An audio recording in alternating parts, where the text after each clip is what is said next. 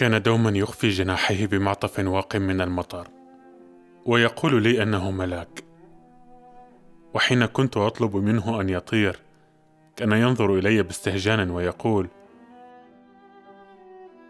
كيف تريد مني أن أطير؟ ماذا سيقول الناس عني؟ وأخاف أن يرشقني الأطفال بالحجارة. كان يروي لي الكثير من الحكايات ويا لغرابة تلك الحكايات التي كان يرويها في طوفانه حول الأرض. كان يشاركني الغرفة والطعام ويستعير مني بعض الملابس حتى أنني كنت أعطيه المال حين تكثر عليه الديون. ومع ذلك لم يغسل مرة صحنا أو كأسا لم يرتب معي يوما سريرا ولم يمسح معي ولو لمرة واحدة أرضية الغرفة. لم يساعدني ولو لمرة واحدة في حمل أكياس المشتريات. في الحقيقة هذا لم يكن يهمني كثيرا وإن كان يزعجني بعض الأحيان.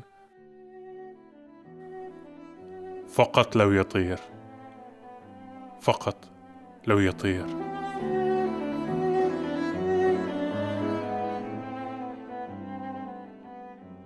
حتى جاء يوم قلت له تعال أسرع. وانظر إلى تحت. انظر إلى المارة كيف يتراشقون بأكياس مليئة بالماء. أسرع ليرى ووقف على حافة النافذه وفجأة نفخة واحدة مني. وإذ به يسقط مثل كيس من البطاطا على الرصيف. لم يكن ملاكا. كان مجرد كذاب بجناحين.